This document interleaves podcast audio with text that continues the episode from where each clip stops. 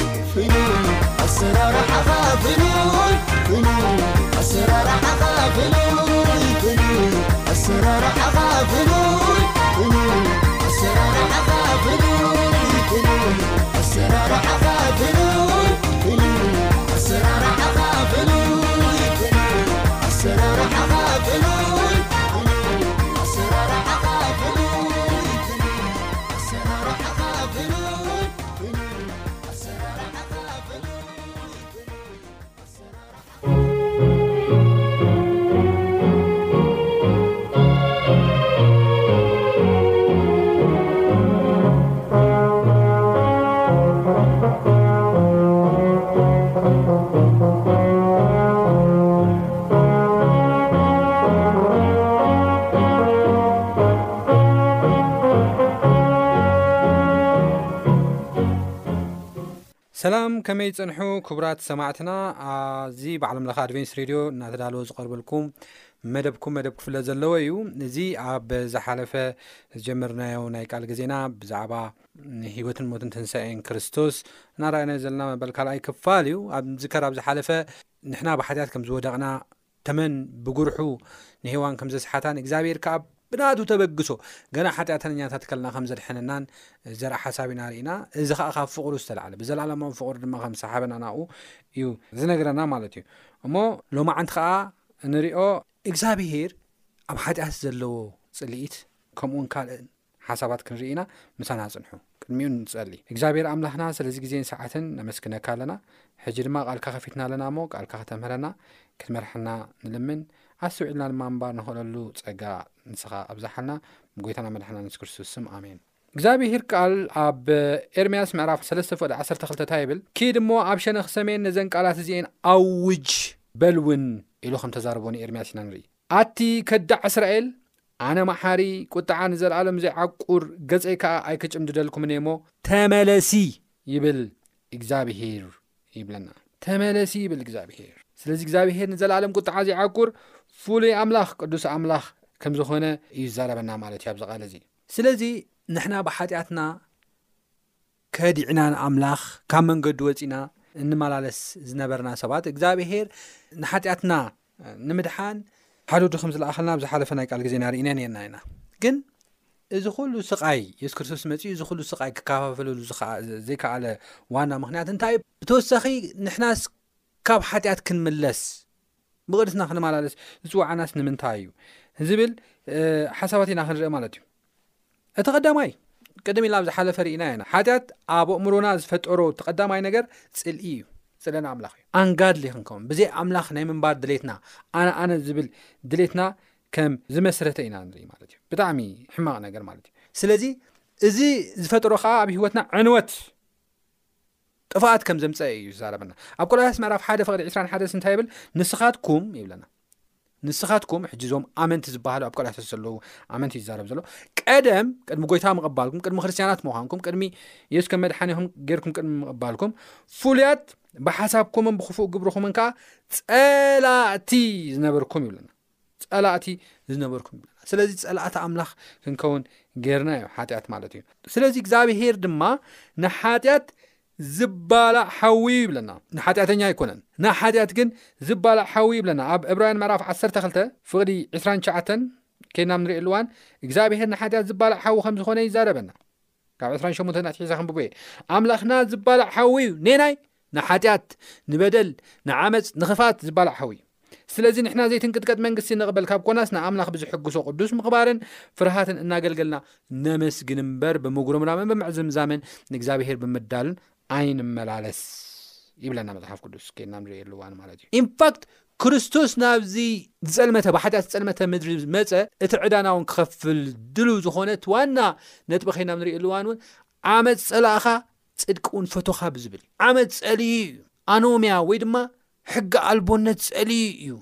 መፅዩ ማለት እዩ ስለዚ እግዚኣብሄር ንሓጢኣት ዝባላዕ ሓዊ ንሓጢኣት ንዓመፅ ንክፍኣት ዝፀል እዩ እንብሎ ካብዚ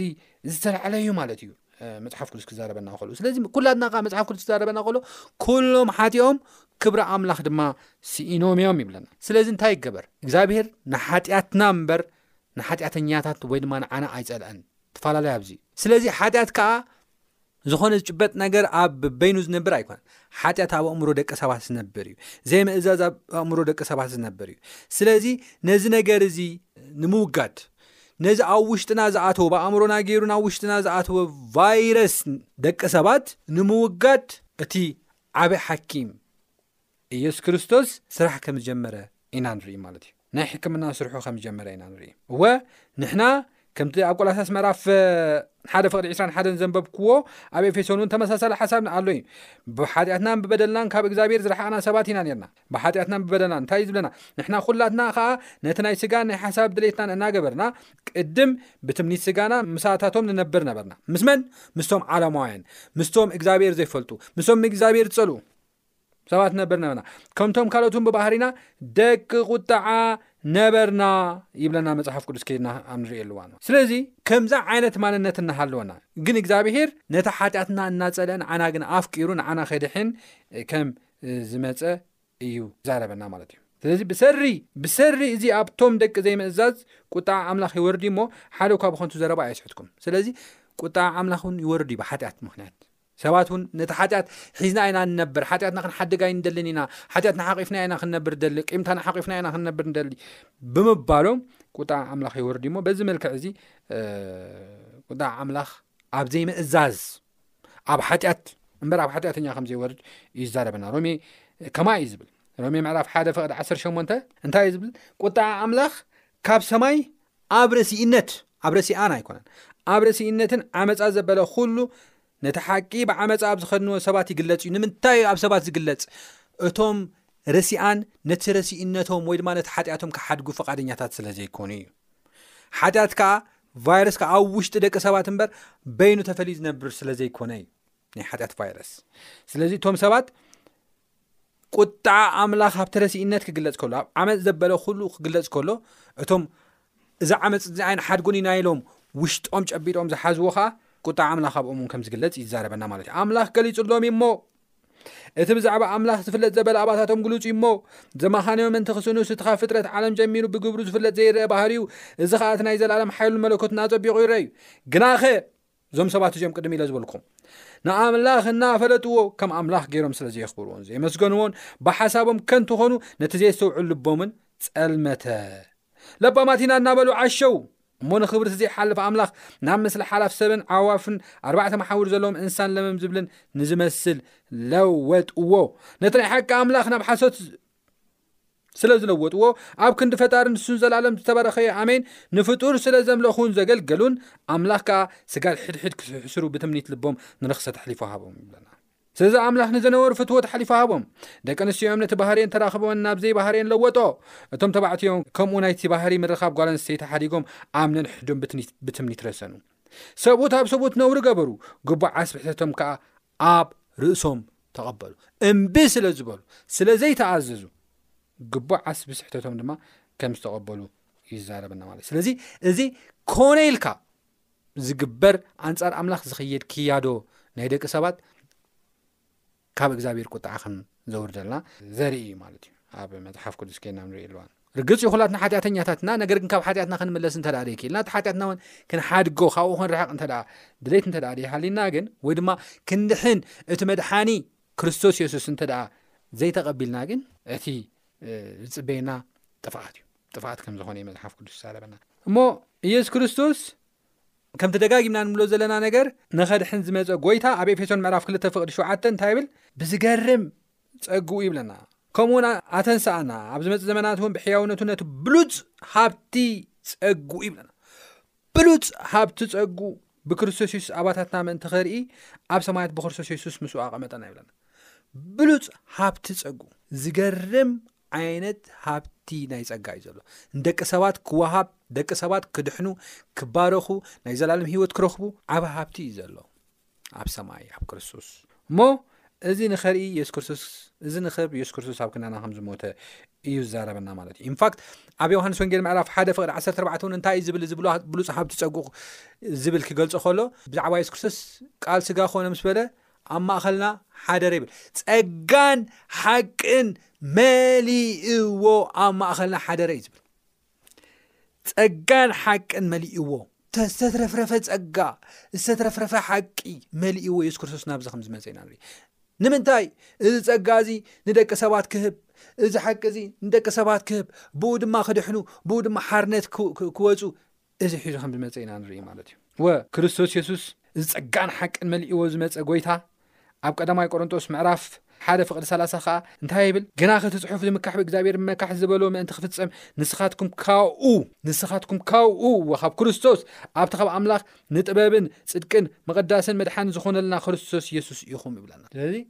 ጸጋን ሓቅን ዝመልኦ ኣምላኽ ጥበብና፣ ምድሓንና፣ ቅድስናና፣ ጽድቅና ዝኾነልና ጎይታ ከም ዝኾነ እዩ ዝዛረበና ማለት እዩ። ስለዚ ንዓና ንኽንምለስ ካብ ሓጢኣትና ንኽንምለስ ብጽድቂ ክንከይድ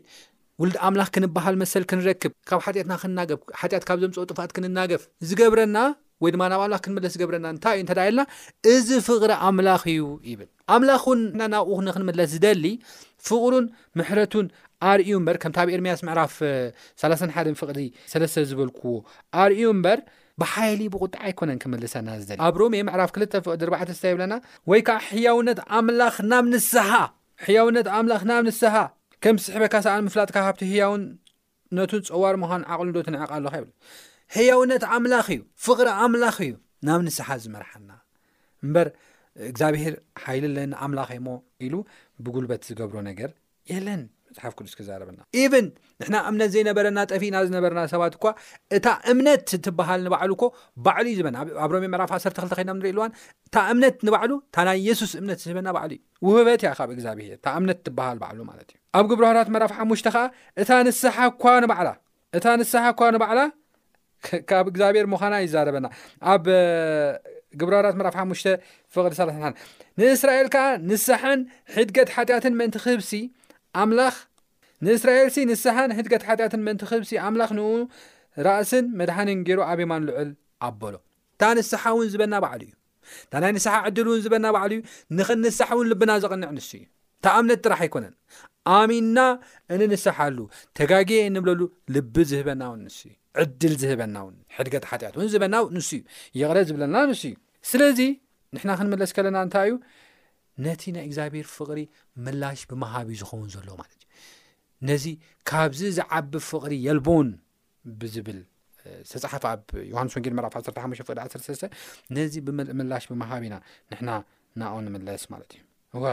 እግዚኣብሄር ካብቲ ዓብዪ ፍቕሩ ካብቲ ዓብ ምሕረቱ ይብለና ኤፌሶን ምዕራፍ 2ልተ ፍቕዲ 4 ክሳብ ሓሙሽተ ግናኸ እቲ ብምሕረት ሃብታም ዝኾነ ኣምላኽ ምእንቲ ታባኣ ዘፍቀረና ዓባይ ፍቕሩ ምእንቲ ታባኣ ዘፍቀረና ዓባይ ፍቕሩ ንኣና ብበደልና ሙታን ከለናስ ምስ ክርስቶስ ህያዋን ገበረና ብጸጋ ኢኹም ዝደሓንኩም ይብለና ስለዚ ብምሕረት ሃብታም ዝኾነ ብፍቕሪ ዓቢ ዝኾነ ጎይታ እቲ ንስሓን እምነትን ዝሃበና ጎይታ እናረኣና ኢና ናብኡ ንቐርብ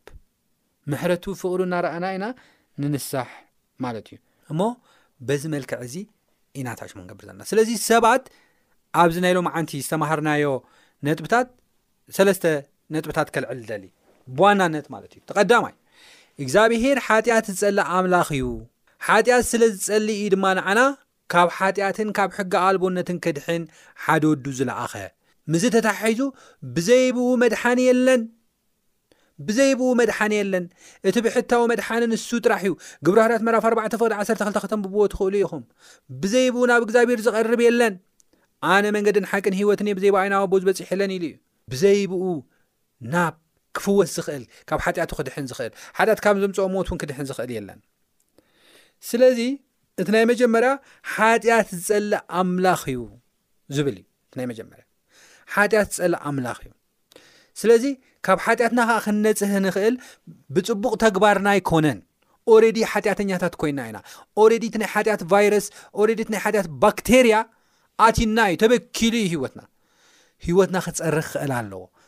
እንደገና ብቐድስና ክንመላለስ መጀመርያ ሂወትና ክፀርኽ ክእል ኣለዎ ሂወቱ ዘይፀረየ ሓሚሙ ከሎ ባክተርያ እናሃለዎ ቫይረስ ሓጢኣት እናሃለዎ ዝመላለስ ዋጉ የብሉን እቲ ቫይረስ ሓደ መዓልቲ ክቀትሎ እዩ ኦሬዲ ዝኣተወ ቫይረስ ስለዚ ብኣዳም ደቂ ኣዳም ብምዃና ሓጢኣት ኩሉ ሓጢኣት ሰሪሑ እዩ ተባሂሉ እዩ